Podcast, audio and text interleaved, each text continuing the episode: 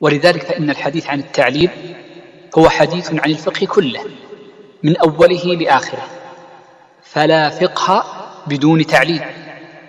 وهذا الذي يجعلنا ننطلق لأمر آخر حينما نقول إن الفقه لا يتحقق إلا بالتعليل فالتعليل إذن أمر مشترك بين المذاهب الفقهية كلها. فلا يمكن أن يكون مذهب ولا يصح أن يوجد دليل ولا يصح أن يوجد قول إلا بدليل. ولذلك حينما يتكلم المرء عن مسألة بلا دليل فإنه فإن قوله يكون منكرا عند الجميع.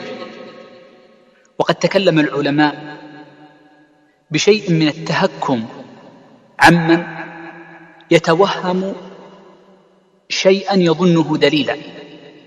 كالإلهام مثلا مثلا الذي يريده بعض الناس.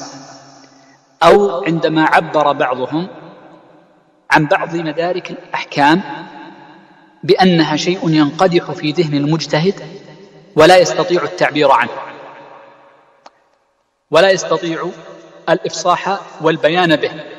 فقالوا إن كل دليل لا يمكن التعبير عنه.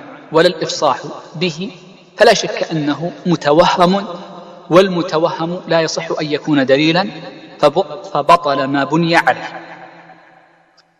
إذا التعليل موجود عند جميع العلماء وفي كل المذاهب.